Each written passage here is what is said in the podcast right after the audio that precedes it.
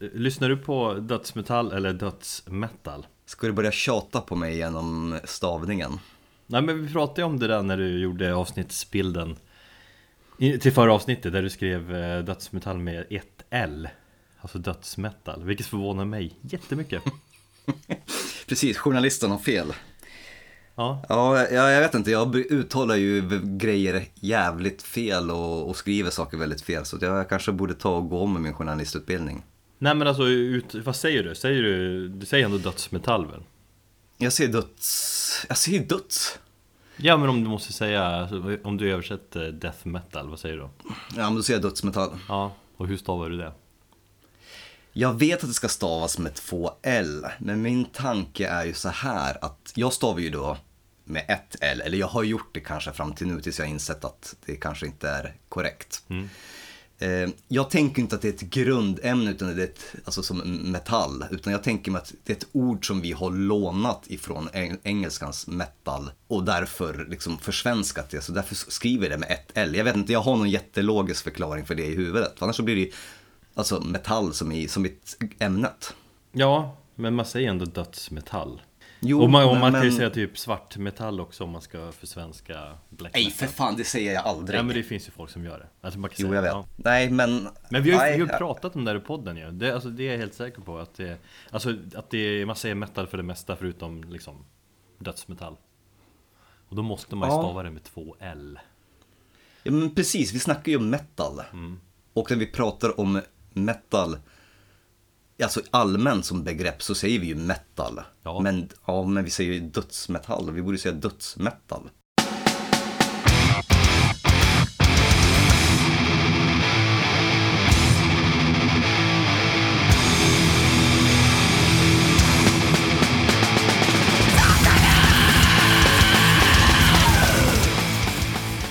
Hej och välkommen till Metalpodden avsnitt 74 Med mig Erik Och mig Thomas, oh ah, fan vad vi är peppande.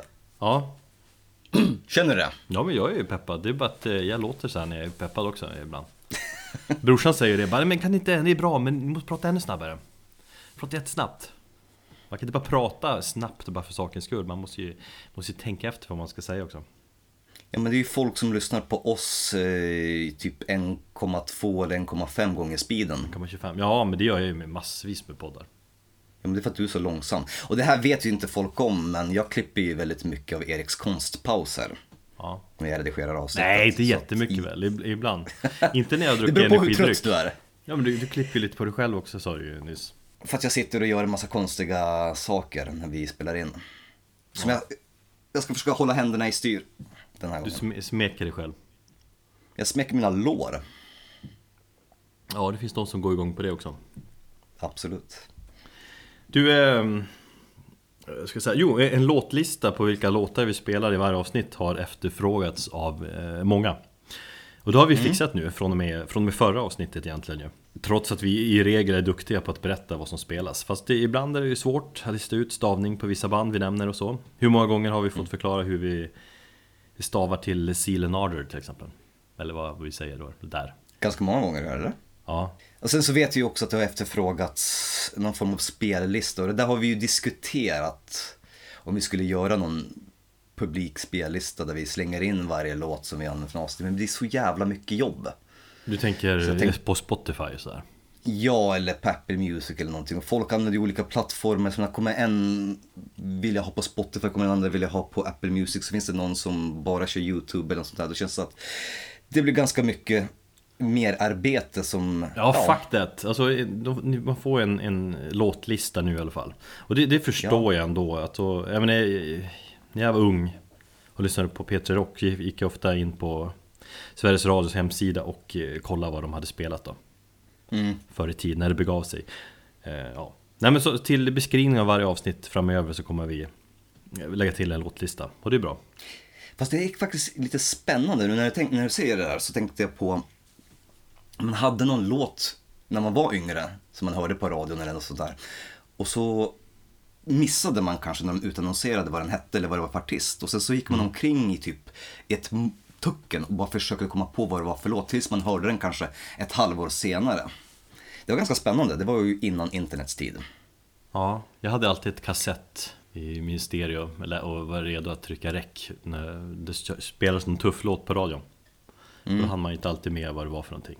Förra veckan så hittade jag en låt som jag har letat efter i 20 år. Som jag hörde i, när jag satt och väntade på min pappa som skulle göra ärende när vi var på semester i Polen.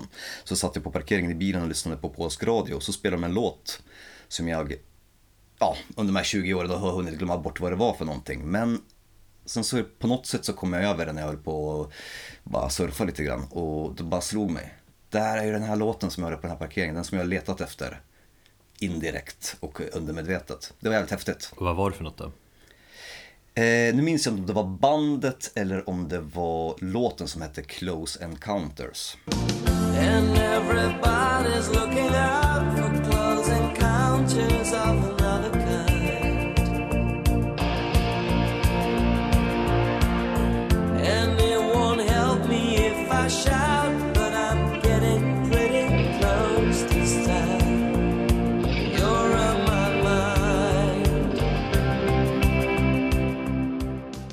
Jo men jag skulle säga att vi har fått hem eh, nya Metalpodden-muggar Så om du eh, som lyssnar inte har blivit en patron ännu Så kan du bli det, alltså om du vill och eh, då går man in på patreon.com Snedstreck metalpodden och därmed kan man då stötta oss och peppa oss. Och samtidigt få en exklusiv och fin Metalpodden-mugg som belöning. I torsdags förra veckan så var vi ju extra peppade för vi skulle gå och se I Hate God. Ja just det, det var 26 april på Kraken Eller Kraken som vissa säger Ja, har det kommit... Nej, vi ska fan inte lägga ner någon tid på hur man uttalar saker. Det är alldeles för mycket fokus på det här. Skitsamma, eh, det blev ju inte så. Spelningen blev inte av, eh, eller förbanden spelade ju Men inte I Hate God för de ställde in vilket var jävligt synd för jag var riktigt sugen på tung fet sludge Nihilistisk sludge. Ja de ställde ju in eftersom de satt Eller eftersom när de satt på planet från Helsingfors till Arlanda eh, antar jag då eh, Så hade Jimmy Bauer har kommit fram då. Eh, Gitarristen i bandet Känd också som trummis i Down Gitarrist i Superjoint Ritual också väl? Ja. Och annat kanske Han hade fått bröstsmärtor på På flyget. Så flyget hade vänt tillbaka om jag förstått det rätt. Ja, och han hade lagt sig in på akuten. Alltså det, tänk på det efteråt, det måste ju ha varit sjukt dramatiskt Alltså han kan ju inte Ja, bara fått för- vanliga bröstsmärtor eller ont i bröstet Utan det måste ju vara liksom Shit, den här eh, personen kanske får någon hjärtattack eller någonting Men jag tänkte, planet från Helsingfors till Stockholm, alltså hur långt kan det ta att flyga? En timme? Så det måste ju, ja drygt, det måste ju då ha vänt ganska så, så omgående efter att det hade typ eh, lyft. Ja, verkligen För att det ska tillbaka. I alla fall, han låste in på akuten. De flesta som, eh, när det här annonserades ut sen då, så trodde de flesta att det här gällde Mike Williams. I och med att han som sagt har en historik av sjukdomar och missbruk och ja, var ju inlagd på sjukhus och det var ju nära för, för hans liv. Och det har vi tagit upp i den här podden i förra, förra våren. Ja, det var intressant Men att alla var säkra på det När man läste kommentarer och så Precis, men det var inte han så. Och eh, ja, vad mina källor säger och eh, det har nog inte kommit något officiellt uttalande från bandet va? Nej, det är Jimmy Bauer som har uttalat sig och det har ju eh, bandet eh, Ja, de har delat inlägget på, sin, på bandsidan då, på Facebook Precis, och det var ju det här att han hade eh, bröstsmärtor och att vända. Vad som föranledde bröstsmärtorna, det kan man egentligen bara spekulera om. Men Det går lite rykten om det hela va? Ja, och eh, det får man kanske ta med en nypa salt, men vad jag förstod så gick det ganska vilt till under en Helsingfors, eh, om det nu var just i Helsingfors de spelade, men i alla fall un- under det här Finlandskriget dagen innan. Och bandet söp ganska friskt på scen. Så det kanske kan ha varit en anledning. Ja, absolut. Eh, man kan ju tycka att Jimmy och gänget ska tänka lite mer på hälsan. Eller jag kan tycka att de borde ha lite respekt mot Mike Williams som, om jag förstått rätt, är helnykter på alla sätt. Ja, och det, och det är just det jag tänker. Det är så här, nu tänker jag, alltså jag bara får upp så här en bild i huvudet. Män i grupp gör dumma saker. Och de är inte 20 år gamla längre. De är liksom 50, har genomgått ganska mycket skit och kanske borde tänka på sådana saker. Så att dels så tycker jag det är lite omdömeslöst gentemot sig själva. Om man nu ska moralisera över det. Eh, Respektlöst mot Mike Williams då som var, enligt mina källor, eh, nykter på scen. Samtidigt så är det ju, handlar det ju om att visa någon form av respekt och kunna uppträda för fansen också. Ja, fast du gillar det ändå lite grann att de super och är svin. Det var du som sa, fan men det är ändå lite coolt, det är ju mörkt. Ja men, men det är ju så. Alltså de lever ju upp. Jag håller med om att det är lite att det är idiotiskt. eh, Med tanke på deras liksom, problemfyllda historia och att de börjar bli så pass gamla. Jag tror inte har fyllt 50, jag tror han är 49 eller 48 Jimmy Bauer. Men, eh, men samtidigt, det, det är liksom drogbesvär och död och så vidare är, är ju en del av bandet. Så att eh, det är väl härligt på ett sätt att man ser att de är sig själva. Ja, de är ju sanna sin, sin, vad ska man säga, sitt eget rykte och det är ett fattigt band och det här är ju någon form av fattiga poeter eller så som Mike Williams säger om sig själv eller om bandet. Men jag tycker att någonstans att efter hållit på så här i, men vad, vad är det bandet firar? Var det 25 eller 30 årsjubileum? Ett årsjubileumsturné typ är det väl va? Ja, då är man inte ung och man borde liksom ha gått igenom ganska mycket och liksom på något sätt fattat. Och jag tycker att det blir den här liksom rockstjärnemyten som vi har gått in på. Jag tycker inte det är häftigt att supa och, och, och, och hålla på sådär. Nej, men det är Det- väldigt, det- det väldigt många band som gör det. Jo, visst är det så. Nej, men ja, som sagt, så att lite besviken är jag. Å andra sidan så, jag hade jättegärna velat se bandet, det var ju 2014 senast, eller om det var 2015. Så det blev lite så här, ja det blev ett antiklimax där. Mm. Ja, men det är väldigt synd att det inte blev av. Men däremot har de ju sagt, eller skrev väl Jimmy Bauer att de ska omboka den här spelningen. Så det blir spännande att se när den blir. Det borde ju... Ja, visst är det ganska lång turné? Det är ganska många datum kvar på den här Europaturnén. Så att den, det kanske kommer ett datum. Vi får, vi får se helt enkelt, så hoppas jag att eh, vi får möjlighet att se dem snart igen. Men du vet ju vad Ulf Lundell sa. Nej? En inställd spelning är också en spelning. Just ja, ja. Ja, det är fan han som har myntat det där jävla uttrycket. Jävla Ulf.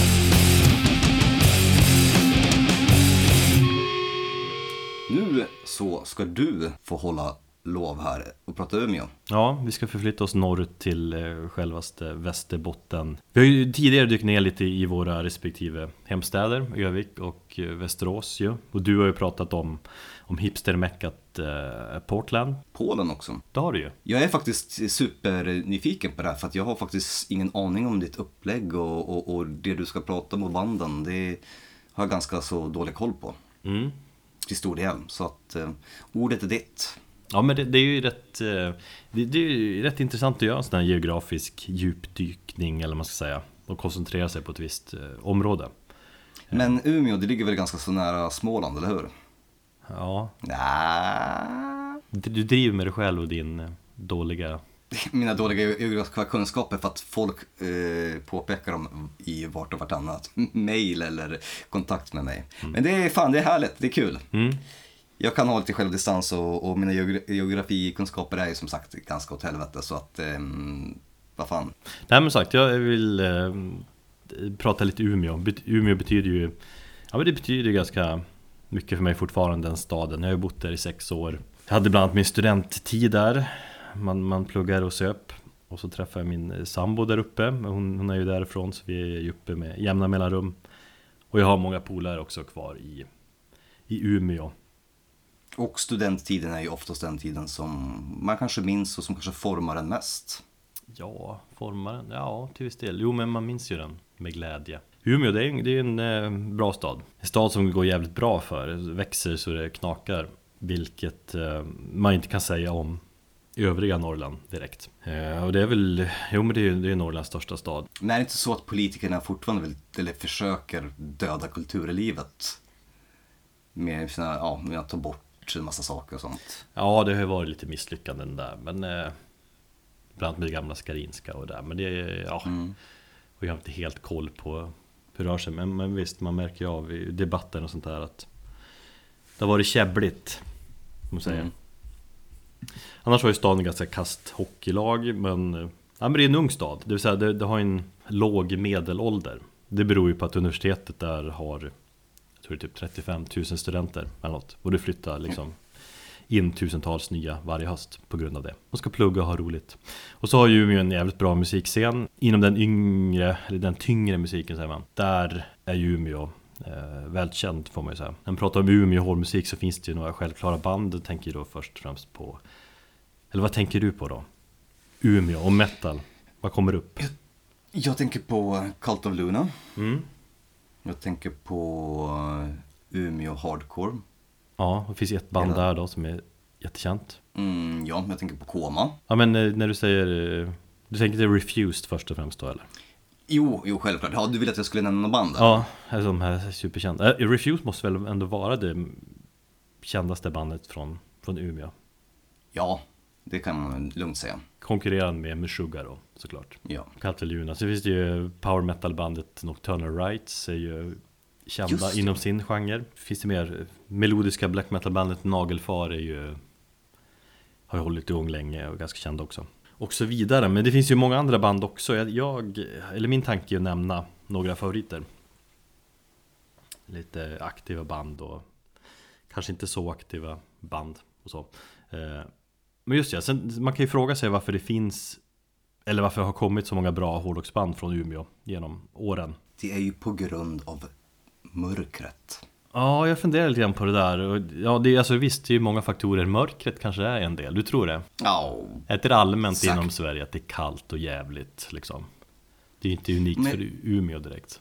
Ja, nej men det finns ju också någonting med Umeå som jag tror Kylan tänker du på? Kylan tänker jag på ja, Egentligen så borde det ju vara egentligen en fantastisk stad när det kommer till black metal Men det är ju inte black metal som den staden är, är känd för när vi pratar om kylan Men jag tänker på att man kanske kan känna sig på något sätt lite isolerad för att det är ganska högt uppe. Ja, fast det är ju nära Stockholm. Det är en timmes flyg ifrån liksom. Du kan ju bo liksom långt ute i, i glesbygden och känna dig... Alltså Västerbotten är ju stort om du åker in mot, inåt landet mot Vilhelmina eller en sån där ort. Då, där kan man känna sig lite mer isolerad. Prata inte län för då kommer du tappa mig direkt. Ja. Nej, men jag, jag har listat tre faktorer som jag tror har påverkat eh, musikscenen i Umeå och påverkar väldigt mycket. Tre, tre av många slag. Eh, Dels har Umeå ett väldigt rikt eh, kulturliv. Just universitetet har ju funnits sedan 60-talet, tidigt 60-tal tror jag. Eh, Och det tror jag är en bidragande orsak till att det finns så många olika typer av föreningar i stan och det finns ju, där är ju också många musikföreningar, många replokaler, alltid funnits en livescen och så vidare. Det är ju jävligt viktigt för en, en musikstad. Sen har ju alla de här banden som vi, vi nämnde här, vi börjar med att nämna alla Alltså, om- det har gjort folk liksom inspirerade om man säger så. Jag kan tänka mig Hur ja, men jag kan tänka mig hur kidsen som såg Refused live på 90-talet Dagen efter startade ett band och gick till replokalen och ville lira hardcore. Jo. Eller liksom att se att Meshuggah är förband till Metallica och att de är ett av de mest respekterade metalbanden i världen. Det är säkert det är så många som tänker att fan, det går ju att komma någonstans fast vi bor här uppe i, i Norrland. Men just att ta förebilder och bli inspirerad på det sättet tror jag är eh, A och O som man säger. Meshuggah är väl ett av de få banden också inom överhuvudtaget inom hårdrocken som har letat sig in i finrummet på något sätt också. Det är liksom med Rolling Stones och New York Times, jag tänkte på liksom lite finare tidningar har skrivit om dem och fenomenet och deras matematiska metal liksom. Ja, i och för sig. Och på livekonserter med Meshuggah kan man ju se finare folk också ibland. Någon kostymklädd, eller man kan säga den där killen eller tjejen brukar i normala fall kanske gå på och lyssna på klassisk musik och sånt där. Tredje punkten då, eh, och sista, politikens kraft har jag skrivit. All right. Jag tänker att Refused är ett ganska politiskt band. Och eh, politiken skapar ju liksom kraft. Umeå som stad känns ju, eller är ju väldigt politiskt eh, medveten. Mm. Det är en ganska vänstervriden stad. Typ, eh, nästan alla som jag känner där uppe på röstar ju rött. I regel på Vänsterpartiet. Och historiskt sett är det ju liksom från det hållet politiskt som musiken och, och, och drivet kommer ifrån. Det känns som att de flesta banden som kommer därifrån, även om de inte har kanske något politiskt koncept i sin musik eller är uttalade politiskt så kan man ändå på något sätt förstå via deras texter att de lutar åt det vänstra hållet ändå. Ja, jag tänker på Cult of Luna är ett band som inte direkt tar upp sina. Sen så vet jag väl att okej, Johannes Persson är ju gammal Umeå hardcore-kille och har väl hjärtat väldigt mycket till vänster. mm, det kan man ju absolut tänka sig. Men jag kan tänka mig att Meshuggah också på något sätt, även fast de inte heller tar. Men i och för sig, de tar första mm, ja, väl typ Meshuggah-demosarna de här som de gjorde på, på, på typ 80-talet. De känns ju kanske lite mer politiska. Destroy, Erase, Improve känns ju på något sätt kanske lite mer politisk. Nej, jag kanske är ute och cyklar. Det var bara liksom så här allmänna, spontana tankar som jag fick. Jag vet inte, dess texter är alltid så svårtydda om man säger så. Ja, det beror på, vad- man kan ju tolka dem på olika sätt. Men visst, det ligger säkert någonting i det. Men vad tror du om det? Jag tror liksom politiken har en, en sån kraft att det även liksom smittar av sig i, i musiken. Absolut, jag tror inte det är eh, bara Umeå som det, som det är så, utan det kanske på något sätt är tydligt just på grund av att det är en stad som är väldigt vänster, vänstervriden. Men allmänt så tycker jag att politisk kraft har någon inverkan på, på musiken. Absolut. I all sorts musik egentligen, vare sig det är hiphop eller om det är hardcore eller vad det kan vara. Eh, sen så är det väl kanske lite extra tydligt just på grund av att ja, Umeå är så pass röd som den är. Ja, exakt. Det var det jag tänkte. Bra. Jag tänkte då i sann metalpodden-anda som vi gör nämna, eller göra en lista på fem band. Fem band från Umeå som lirar någon form av eh, hårdrock eller metal som... Eh, nej men jag har valt band och mu- musik som spelar olika typer av genrer också. Mm. Men de här banden som kommer nu, är det dina personliga favoriter enbart? För det var väldigt mycket som jag inte kände igen som jag aldrig har hört dig prata om. Eller är det mest också för att få någon annan form av vinkel på det? Eh, lite både och. Alright. Nej, men in, i, ur ett intressant perspektiv sådär, tänkte jag. Okej. Mm. Och som vanligt så gillar jag att börja där det någonstans eh, började. Eh, I alla fall om man ser i Umeå. Ett band som det man ser oftast prata om när man snackar om tidig svensk metal i Gotham City. Som var aktiva mellan 1980 till 87 och han släppa en fullängdare, The Unknown, 1984. Bör man känna till detta? Ja, Gotham City kom, de kom på plats 50 tror jag, på, på Sweden Rocks. Den här eh, listan över Sveriges 100 bästa hårdrocksband genom tiderna. Ha, vilken jävla posör jag är. Jag har aldrig känt till dem förrän idag. Nej, ja, men visst, det är ju kanske inte din musik och de är gamla rävar och så här. Ja, men man borde åtminstone ha hört om dem. Ja, det, det tycker jag. Eller är det bara för att jag har bott i Umeå så här, som jag känner till dem? Kan ju vara. Och har en svärfar som har, har en skiva med dem och så vidare. Så kan det vara. Nej men de gjorde ett intryck, ska ha fått många att liksom hitta till hårdrocken där tidigt 80-tal och det, det, det är heavy metal, stor dos av eh, new wave och British heavy metal Ja, just det. Det är många så här, hooks och, och melodier sådär som man, man nynnar på när man, när man lyssnar på plattan En hel del svärd också va? Ja, det är mycket svärd metal ja, Men det var ju tufft då. Fan det är det ju fortfarande. Mer svärd. Mer svärd i metal. Ja, och just Gotham-serien, de var ju ett av de här äh, Eller ett av flera svenska metalband som kom där under 80-talets första hälft. Eh, Det fanns en spalt i någon tidning läste jag där det skrevs om just den här Ja men just inspirerad av New Wave och British Heavy Metal så skrev man om den första vågen av svensk metal. Så de räknas ju ett av, av de väldigt tidiga metalbanden Pluspoäng ska de ha för det fantastiskt fula skivomslaget till skivan The Unknown Det är, det är fan nästan eh, Born Again-klass på det va? Alltså det är otroligt fult. Men det är en, det är en rätt bra skiva. Vi lyssnar på introspåret där av Swords and Chains.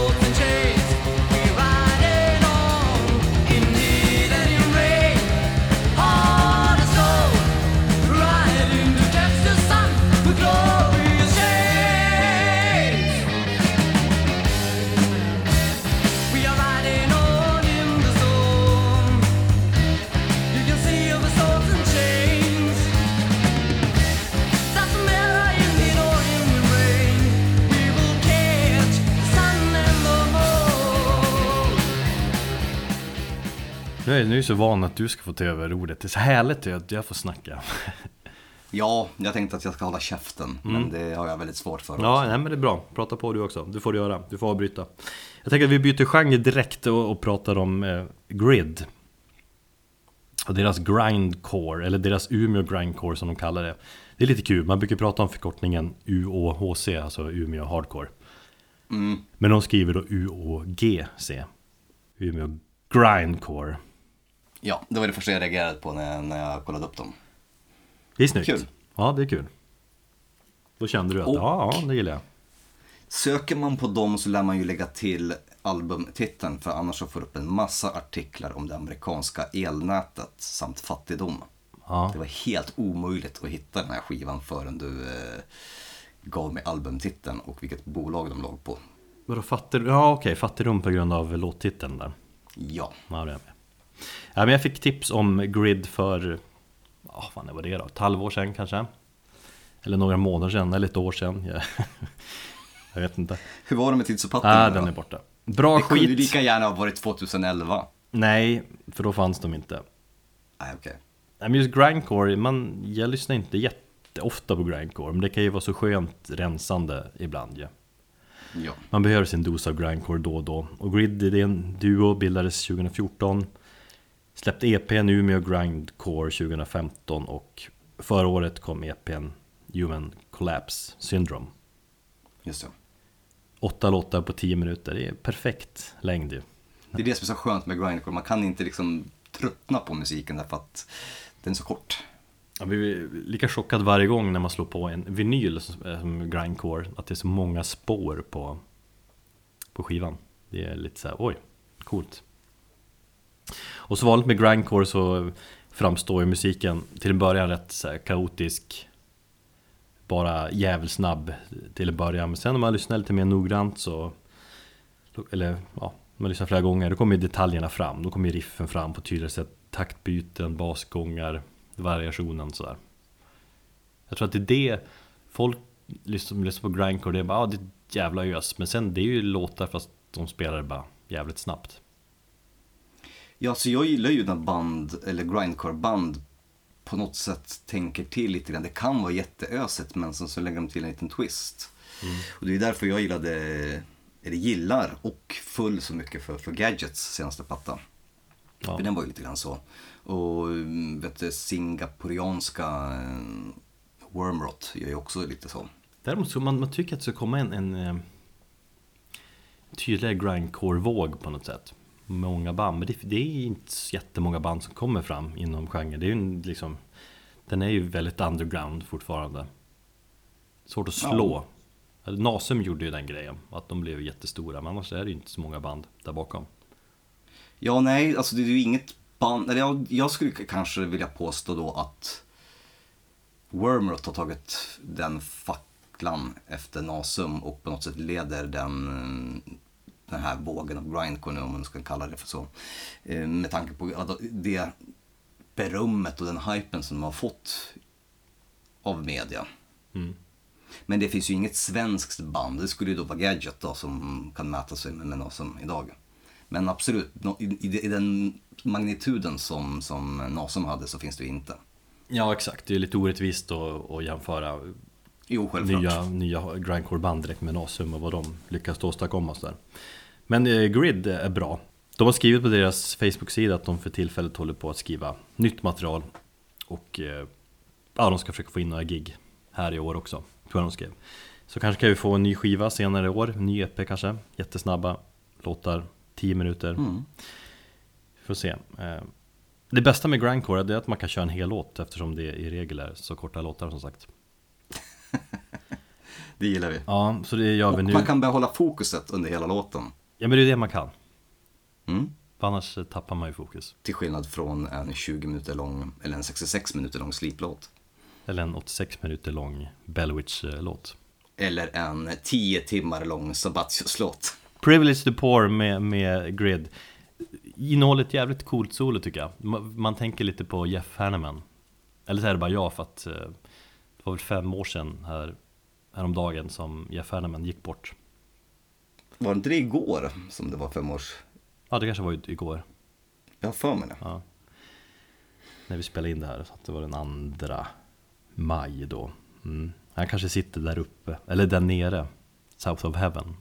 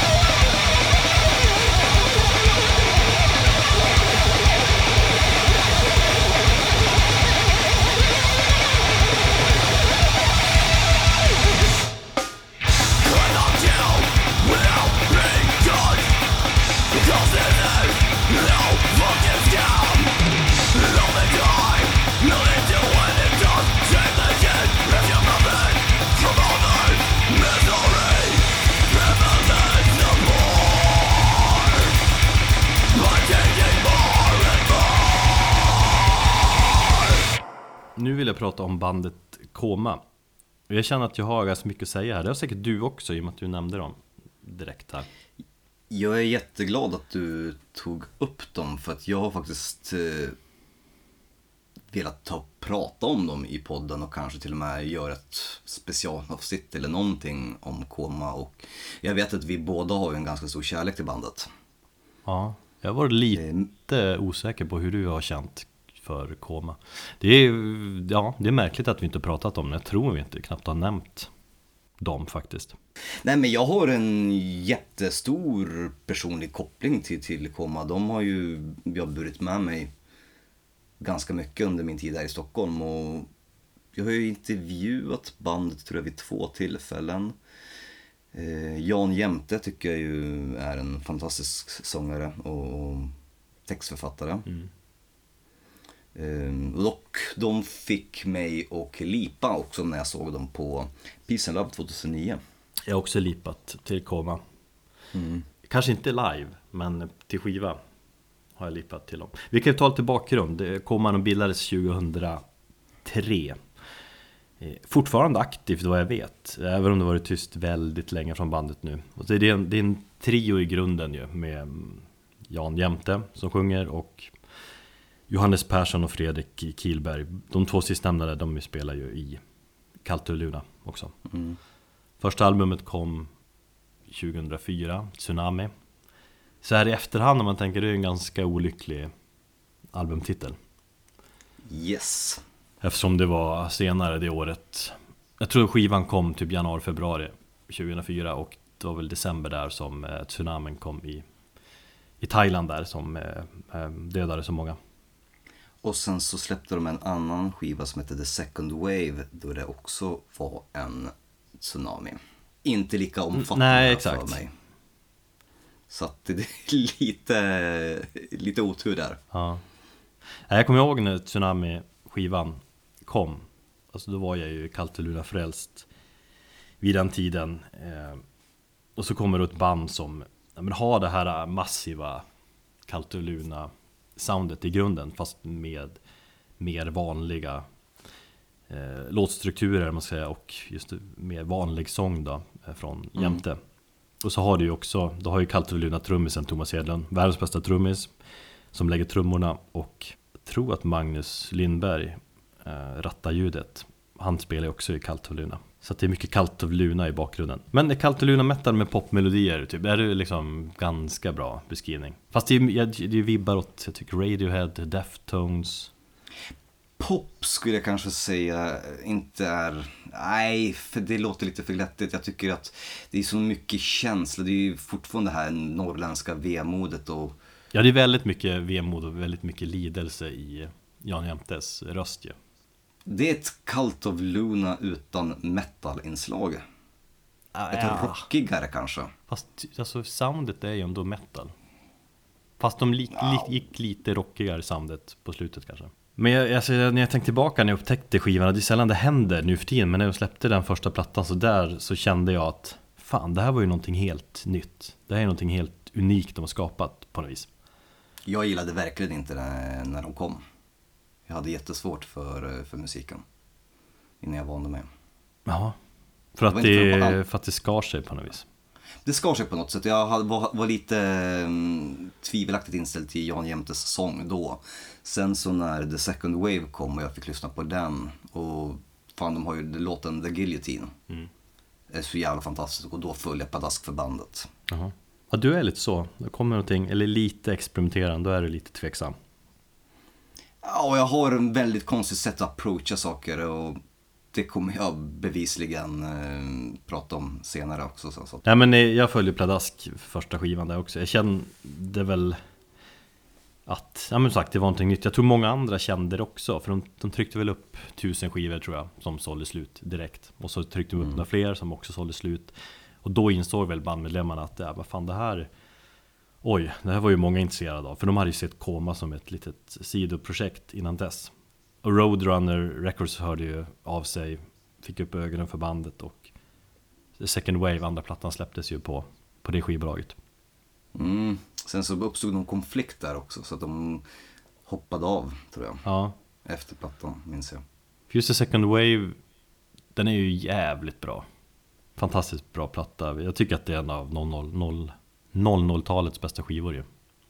Och deras, deras bästa Ja. också. Så om man missat den skivan så ska man kolla upp den. Sen såg jag dem på Close-Up-festivalen, det har jag säkert sagt tror jag, 2006. För jag återkopplar alltid till den där Close-Up-festivalen, gjorde ett intryck. Mycket bra skit Ja. där.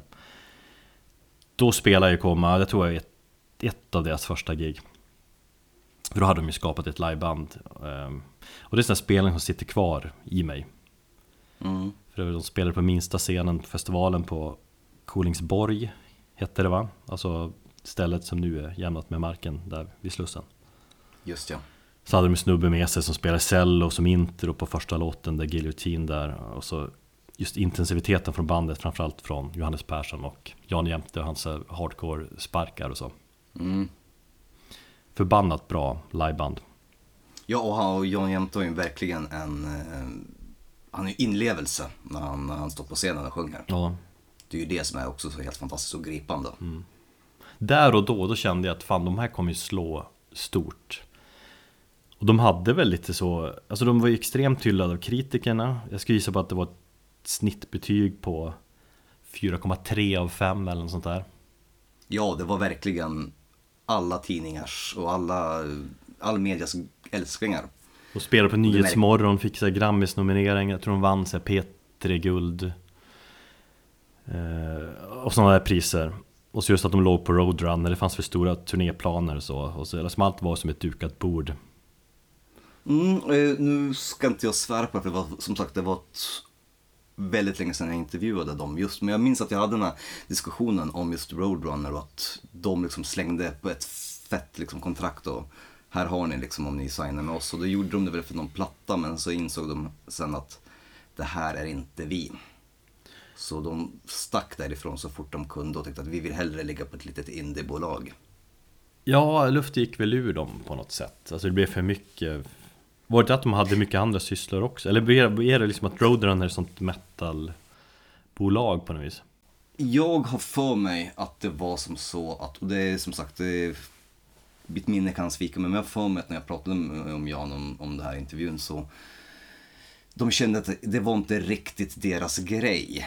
Att de vill inte ligga här och tanken är aldrig att de skulle vara stora och, och, och erövra världen och, och liksom göra det här som Roadrunner ville, liksom, att nu ska de köra världsturnéer. Utan, och att de hade andra saker som eh, ja, låg och, och var kanske mer prioriterade som Cult of Luna. Och Jan är ju professor vid, vid universitetet där också. Som kände att åka runt världen och göra turnéer och ligga på ett majorbolag är inte riktigt vår grej utan vi vill göra det här på vårat sätt och i våran takt. Och det är kanske därför det tar så pass lång tid Ja, mellan skivorna. tredje plattan där, Final Storm, kom ju 2010 Och då var det ändå fyra år som hade gått sedan The Second Wave. Ja, eller? precis Och när den kom så märktes ju också hur, mycket, hur efterlängtade bandet var. För det, alltså det, det var ju det enda som det snackades om i, i Stockholm under den perioden, vill jag minnas. Ja, sen kom det ju också fram i samband med det just hur krävande bandet är för, för, för medlemmarna själva. Alltså, för Jämtes liksom möjlighet att skriva texter, han behöver gå mycket, söka sig inåt. Det är väl ganska klassiskt i och för sig, men det är en jobbig process för honom. Sen har man förstått att det är väldigt starka viljor i bandet, framförallt mellan Johannes och, eh, och Jämte då. Jo. Att det blir många konflikter. De har väl sagt att de både hatar och älskar varandra. Så här, då känner man, okej. Nej men jag, det kan jag förstå, för Johannes Persson han driver ju Cult of Luna, det är han som skriver liksom all musik där om jag förstått det rätt. Mm. Eh, och då liksom samarbetet med Jan Jämte som också verkar ganska starka åsikter.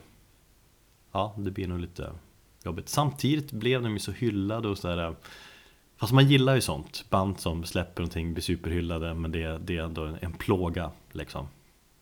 Ja, och att de ändå liksom går motströms och säger men fuck it, vi vill göra det här på våra, eh, våra villkor och så här. Skit i majorbolag, vi lägger oss på ett indiebolag istället. Och Final Storm släpptes ju väl på Fridéns eh, bolag. Hans nystartade då. Har jag för mig. Ja, jag har för mig att det, att det var så faktiskt. Ja. Sen tror jag 2012 då släpptes ju även den här fjärde plattan. Fast det var ingen riktig skiva. Alltså det var en skiva med, med låtar som hade blivit över och så. Så det var ju inte en renodlad platta på det viset. Vad var det den hette? Men typ eh, också kopplat till liksom Du, den kanske, jag, jag har nog totalt helt förträngt den plattan. ja, Men det, det är överblivna spår eller är det några omarbetningar eller? lite blandning kanske. Ja men typ överblivna. Så lite såhär B-sidor och tänk liksom. Fast den, right. den är ju bra men inte samma Ja den är ju inte lika bra som de andra Men fan det är ju Ja nu är det 2018 och Då 2012 Så det, det, har ju, det har ju gått många år igen Kanske, kanske kan det vara möjligt att återuppta Koma igen för dem Tror du det? Man vill ju det i alla fall All Erodes, så Just hette den just det. skivan. Mm. Eh, ja, det vore ganska fantastiskt om de kunde släppa en ny skiva. Jag har för mig dock att någonstans, kanske läste för, för det här var kanske två år sedan i någon intervju att de hade det väldigt svårt att få tiden att gå ihop för att kunna samlas allihopa och göra det. Men, och det är därför bandet är on hold eller liksom aktiva men ändå inte aktiva. Det hade ju varit intressant att fråga medlemmarna om det. Alltså framförallt Johannes. Skulle vara intressant att veta vad han har för framtidsplaner just med Cult of Luna, Koma. Även hardcore eh, metalbandet eh, Riven. De är ju faktiskt väldigt värda att nämna också. Alltså Johannes Persson, Kristoffer Östlund, Totalt Jävla Mörker, Snubbar. Den debuten ja. var ju cool. Ja, vi får se vad som händer med Koma. Kan jag ju bara lägga min personliga anekdot där om när jag bölade till dem. Ja, Det var som sagt, det var på Peace and Love 2009. Jag hade tagit en paus med min dåvarande flickvän under den veckan. Eh, Så att jag var lite känslomässigt... eh, så att du skulle kunna få hångla med sig på festivalen alltså. Nej, så var det verkligen inte.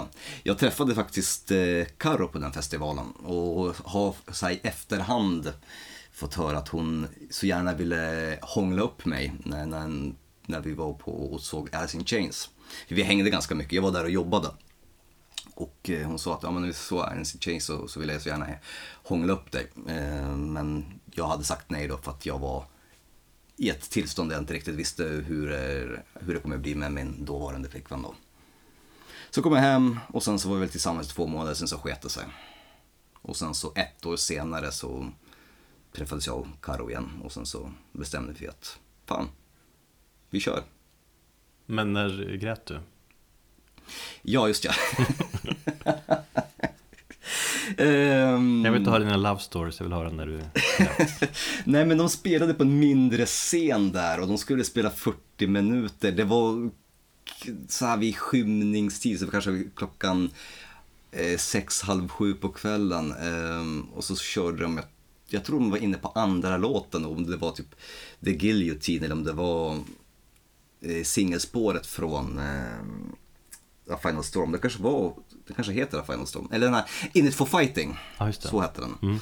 Och jag bara, så, så fort Jan Jämte tog ton i första låten så kände jag bara, jag var nära på att bryta ihop där liksom, i och med att jag ändå var ganska känslomässigt uppjagad av allting som hade hänt. Ehm, och sen så mitt i låten, om det var andra eller tredje låten, så gick proppen och de var tvungna att lägga ner. De fick bara en kvart på scen kanske. Fan, de har haft lite otur och sånt där. Jag minns jag skulle se dem i Umeå på, kan det vara Amplified-festivalen eller sånt där. Då hade vi förfestat som fan och var peppar och åkte dit. Då hade ju golvet brakat sönder. Just ja. Som inte fick Mm. spela. Lite otursförföljda, sådär. Men ändå, de fick 15 minuter och lyckades beröra mig så pass mycket att jag tog till tårarna. Det tycker jag ändå är starkt. Det är inte många band som kunnat göra det. All heder till bandet. Nu lyssnar vi på oändligt vackra och tunga Like Coming Home från plattan The Second Wave med Koma. Jag får alltid rysningar när jag hör den här låten.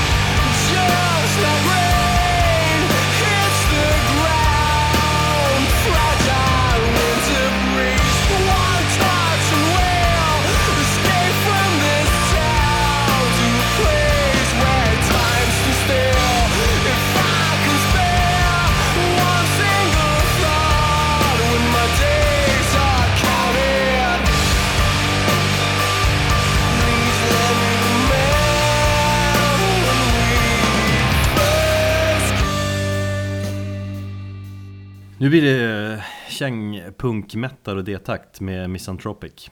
Har du någon eh, koll på dem? Ingen alls. Nej. Ju? Förutom att jag eh, hann lyssna lite kort på låten som vi ska spela. Mm, det gick du igång på. Lite grann. Ja, så jag gillar ju mm, Kurt och Cheng, absolut. Ehm, Det jag reflekterade över att det var sångaren eller sångerskan hade väldigt gäll röst så det undrade om det var kanske möjligtvis en, en kvinna i bandet. Ja. Det var så? Mm. Åh fan. Det hör man Mm. rätt tydligt? Eller? Eller det är kanske svårt? Jag hade två stycken skrikande ungar och jag lyssnade på, på datorhögtalare på, på, på YouTube. Ja, du ska inte lyssna på datorhögtalare. Ja men, det var det jag kunde tillgå. Fan, det gjorde har gjort någon annan gång också när du där, laddat ner klipp och så har du typ "Här, Jag tror att det är bra kvalla, hur har du lyssnat på? Har du lyssnat på via datorhögtalarna? Vad fan? Ja men i ena änden så håller jag på och matar en sex månaders bebis som har liksom puré hela ansiktet och med andra så diskuterar jag med dig och försöker göra någonting, någon form av arbete. Det, det, man får multitaska. Mm, fine. Men det känns som att det inte är första gången du använder Nej, det är absolut inte. skärpning. Ja. Misanthropic bildades 2007, har kört på ganska frekvent. Det känns som att de har en ganska stor fanbase. Eh, de är ute och giggar väldigt mycket, eller när de har möjlighet. För alla i bandet har ju, har ju barn och sånt där. Jag har ju varit på så här renodlade punkspelningar när Misanthropic spelar. Och då står ju som punkarna längst fram och brinner. Men just en stor anledning till att jag tror att många gillar Misanthropic, eh, även utanför så här, punk och hardcore-scenen så här, det är och då tänker jag på mig själv, det är ju liksom för att jag är metal-kille i grunden Men liksom Misanthropic kör ju mycket Ja de kör ju mycket metal i deras musik också Alltså en blandning av Jag vet inte, men det är som hardcore, slayer, discharge ja, men det är ju lite metallisk kängpunk. Ja, verkligen Mm. Och visst är de kanske inte unika att köra men, men man går igång på det Och just, Man behöver inte alltid vara unik. nej Du är ingen jävla unik snöflinga.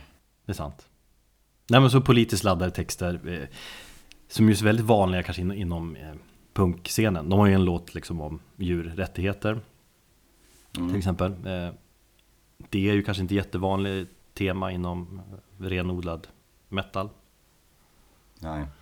Och så har de ju Gerda Vad heter hon?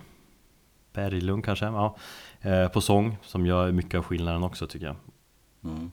Hon verkligen brinner, hon är arg, förbannad När hon vrålar på Det gillar man ju Ja, det märkte jag. Mm. Så att man känner att de här, fan det är...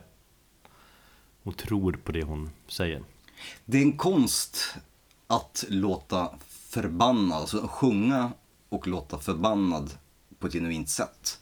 Det finns så många band som försöker låta arga, men det faller platt. Det är väldigt lätt hänt att det blir liksom lite fånigt på något sätt Mm. Eller fånigt, men att det inte blir, nej, att det inte blir, blir äkta Det ska vara den här råheten på något vis man vill höra Jag har pratat lite med trummis Soid, eller Robert som han heter Kanske Norrlands snabbaste trummis Han berättar att de håller på med en ny skiva som förhoppningsvis släpps senare år och enligt Robert, och nu citerar jag honom Han beskriver nya materialet eh, så här Det blir sjukt mycket killemål Och det blir jävligt mycket Metallica Slayer-prylar plus lite D-takt Det låter ju ganska så härligt. mm.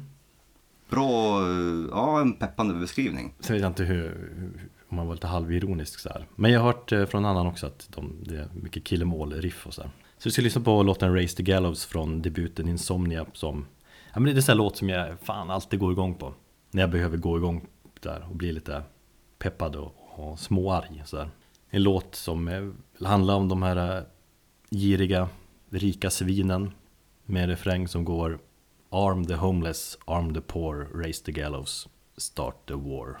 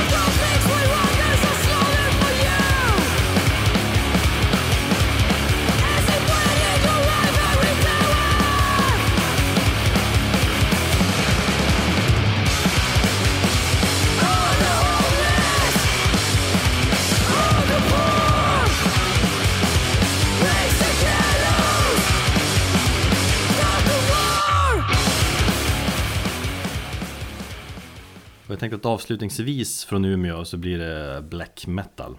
Och det gillar ju du. Nej, inte just nu. Jag är, totalt osugen på black metal faktiskt. Eh, jag sitter här med liksom Uadas eh, nya platta. Eh, sitter med Crafts nya platta. Till viss del Marduks nya platta. Och jag känner bara att jag är inte så sugen på black metal just nu. Vad, vad tror du det beror på? Är det... um, Nej, det är bara att jag, jag har...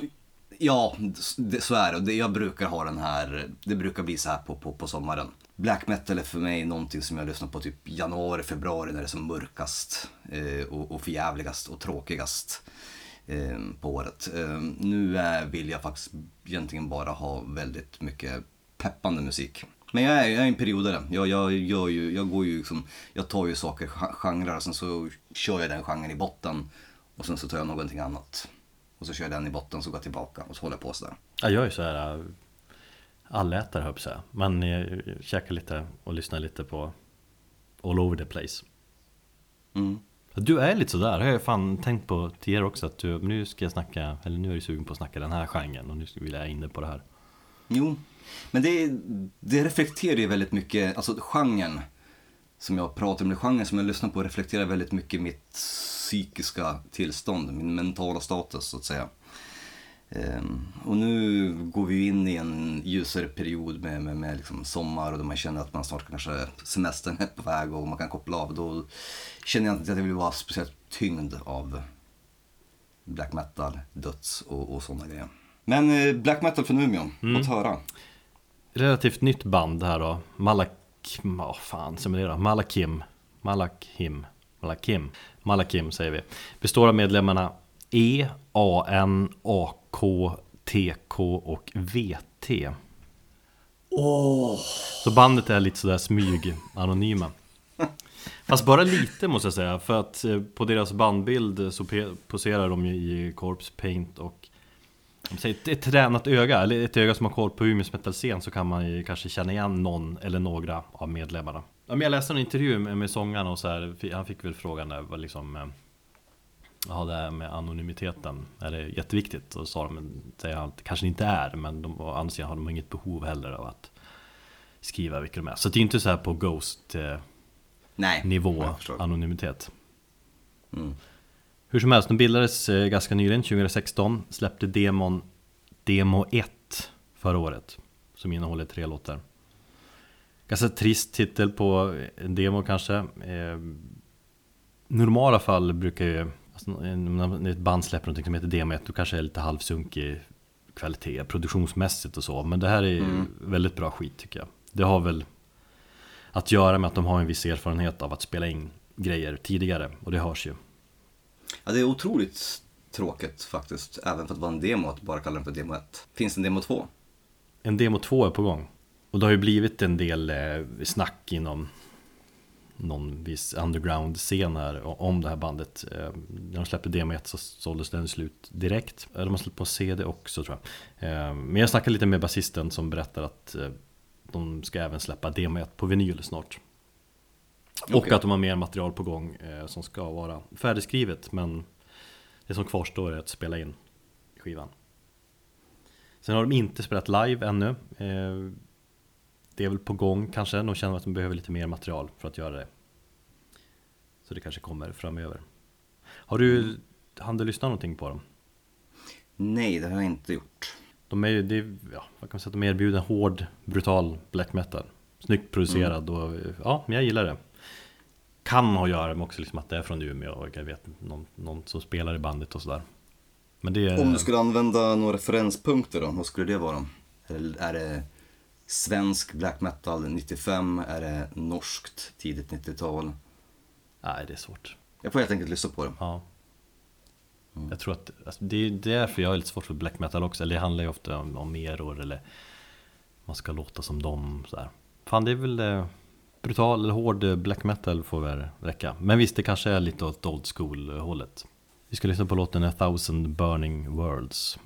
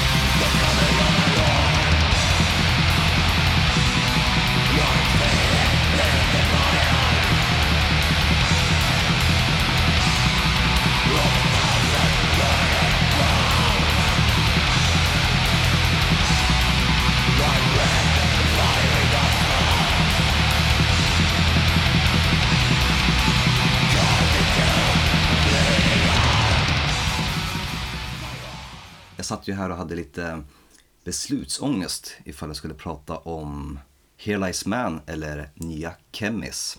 Som ett litet tips eh, i det, det, segmentet som vi kallar bäst just nu. Mm. Du frågade mig.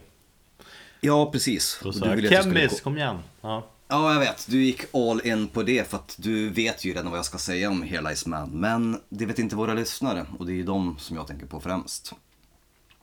Plus att jag hade kanske lite mer personligt att säga om Here Lies Man och, och, och knyta an till det här vi snackade om, om black metal och, och att ehm, jag är inte sugen på det. Eh, att lyssna på, på übertung musik just nu. Jag gillar ju det. Jag, jag ser ju en trend hos dig alltså, om man kollar vad vi har pratat om de senaste avsnitten. Att du har gått lite mer, det är lite mer light form av dig.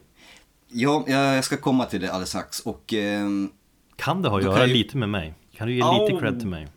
Ja och nej. Ehm, så du ska inte hålla på och dunka dig själv alldeles för mycket i ryggen.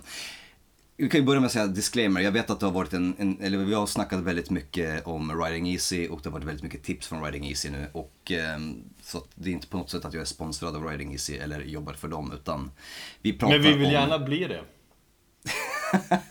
Ja, precis. Ehm, jag ska ta och snacka med Daniel på, på bolaget om det. Nej, men faktum är som så, jag ville bara... Om folk undrar varför det har blivit väldigt mycket writing i sociala medier och, och här, så är det för att... Dels för att jag jobbar med dem och för att jag gillar det bolaget. Och vi är ju en podd där vi pratar om saker som vi gillar. Så enkelt är det. Men det är helt på eget bevåg. Och det är inget nytt att vi gillar Riding Easy. Alltså ett av våra första avsnitt var väl ett Riding Easy specialavsnitt. Om jag minns rätt va? Ja, vi, vi snackade ganska mycket om, om bolaget och lite av banden som ligger där på. Absolut. Ja men det är en, det är en label som gör jävligt mycket saker rätt och har en grym attityd. Så är det. Sen så vet jag att du säger så här, men hallå Thomas, du är ju så jävla sen på bollen med hela Iceman. Och nej, det är jag inte. För att det är inte så att jag återupptäckt dem, eller att jag har upptäckt dem nu, utan det är att jag har fastnat för dem nu äntligen. Jag var ju inte så jäkla förtjust i debuten när den kom. Det ska man ju inte säga att den är jättegammal debuten heller. Nej, den kom ju förra året. Ja. Så det, var ju, det var ju verkligen inte så länge sedan. Eh, Men ändå, det, var, det låg väl fel i tiden helt enkelt. Men det var just nu med den nya plattan You Will Know Nothing som släpps den 15 juni som det bara totalt lossnade för mig. Och det är lite grann det som jag ville prata om och, och vad, vad musiken, hur, hur den har berört mig. Och men vad kan man säga om hela man? Jo men det är ju deras tagline, What if Black Sabbath played Afrobeat, är ju ganska så talande. Ja, jag, jag pratade ju om förra skivan, eller debutplattan när- Den hade väl jag väl ganska högt upp på årsbästa listan förra året. Jag kommer inte ihåg längre, men den var med i alla fall. Jag vet inte hur högt upp. Ja men det, det, det minns jag. Där minns, eller det pratade jag lite grann om det där att det kanske inte håller helt. Jag tycker det kanske inte riktigt så här Black Sabbath riffkänsla. Men det är alltså mer rockriff på något vis. Ja, jag kan, jag kan köpa det. Svängningar, Eh, ja. Om vi dyker ner lite grann i just den här och dissekerar den här själva taglinen som de har lanserat sig själva som. Vet du om att det här för, förut, eh, är för övrigt ett sidoprojekt bara från eh, han huvudsnubben, eh, vad heter han nu? Marco Garcia. ja, det tror jag att jag nämnde då, då också. rockmusik och till viss del lite doom och stoner och sånt där har ju rytmiskt sett eh, ganska mycket gemensamt med afrikansk musik. Och det är det han har försökt att kombinera här, att det, det här är skivor och eh, det här är musik där han jobbar väldigt mycket med rytmer. Och just den här andra plattan är ett kanske konceptuellt tänk med rytmer. Eh, mellan varje låt, låtar så finns det så här interludium, det är små, liksom, små mellan, mellanspel som går i, jag tror han sa det, två tredjedels eller tre fjärdedels takter av själva ursprungslåten, den låten innan. Så att varje låt avslutas med ett litet, ja, med ett litet ja, men svävande, det kommer du få höra själv sen när, när, när, du får höra plattan. Eh, som på något sätt ska föra låten vidare in i nästa. Och, eh, och han snackar om att det är ett, mer ett rytmiskt konceptuellt tänkt han har försökt utforska här. Och han menar då på att rockmusik och till viss del hårdrock kan ha samma hypnotiserande effekt som den här eh, kubanska, afri, afro, eh, afrikanska musiken. Som hade ju så här Cuban afro, afrobeat, eh, tribal musik. Mm.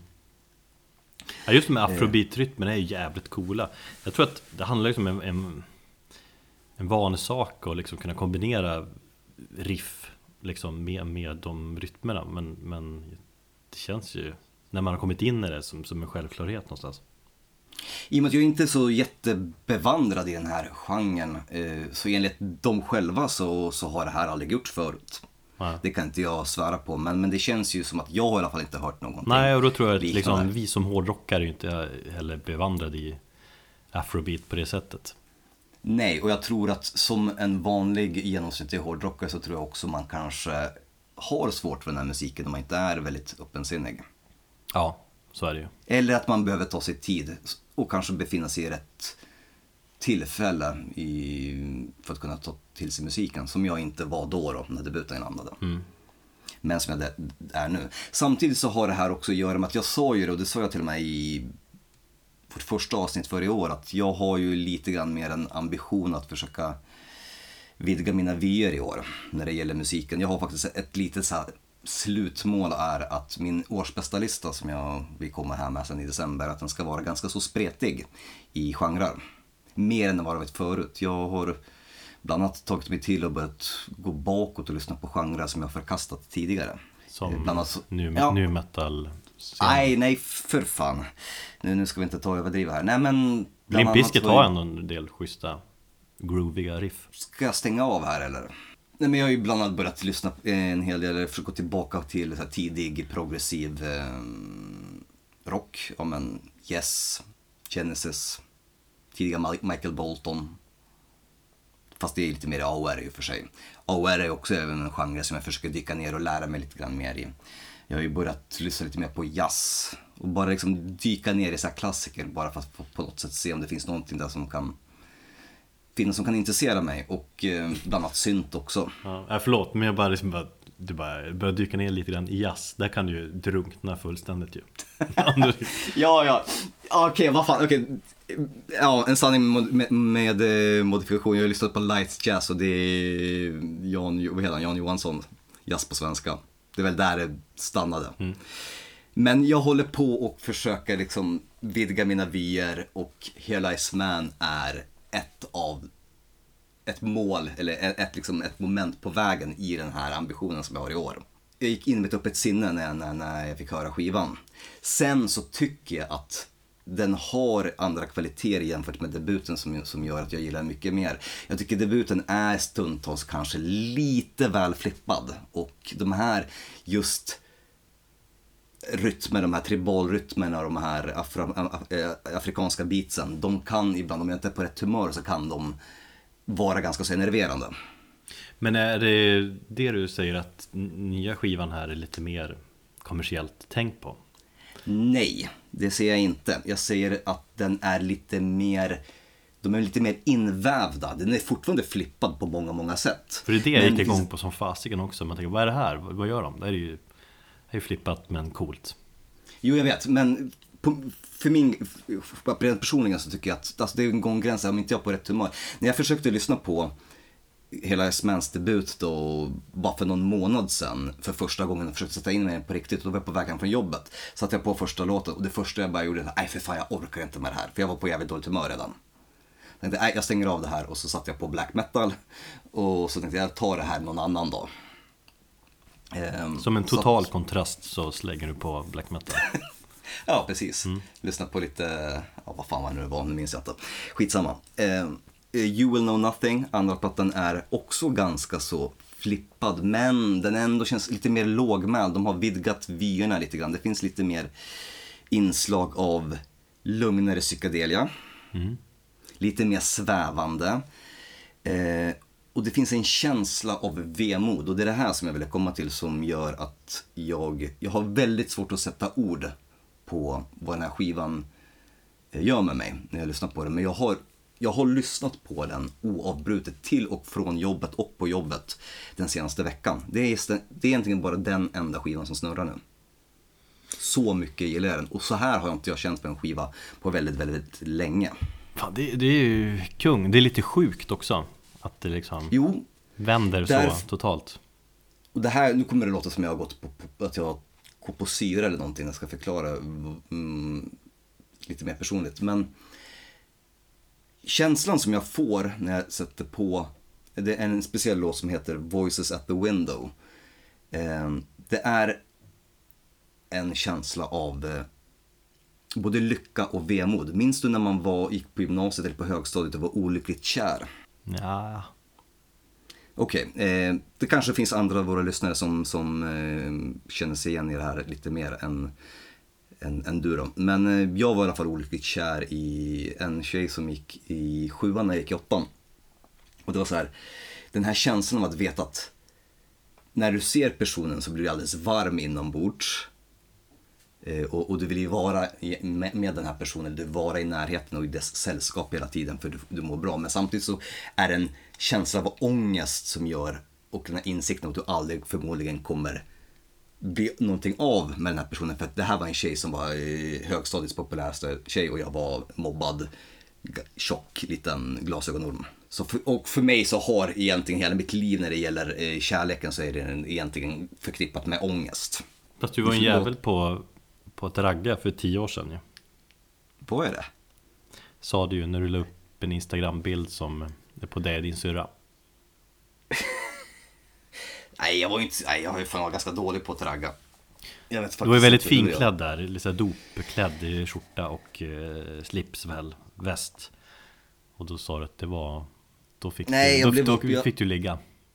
Ja, jag blev oftast väldigt, ja, men jag var så proper, jag såg som en svärmors dröm och jag var... Ja men det var inte Och- det din liksom bästa period i livet då? Jag kan tänka mig det faktiskt det, att du fick många tjejer som du såg ut då. Ja, Välklädd då- och så här blonda håret och... Nej men vad fan, det där var en bild, det var min, min systersons dop och, och vi var i kyrkan så jag var ju tvungen att bete mig. Ja, men du hade ett sug i blicken också. Har en, en kåthet utöver denna, Ja, ja denna någonstans, värld. någonstans där. Ja. Jo, men absolut. Jag blev, jag blev faktiskt uppraggad den dagen på dopet. Mm. Av, en- men jag raggade väldigt dåligt, jag är ganska dålig på det. Jag, jag kan inte det där med att ragga. Jag, jag är mest bara bort mig och sen så slutar det med att antingen så tycker personen att jag är dum i huvudet eller så går de igång på, på att jag är totalt jävla klantig och så blir det någonting av det. Mm. Skitsamma, vi ska inte prata om mina, mina raggningsförsök. Jag är en ganska så förstörd människa nu med, med bukfetma liksom.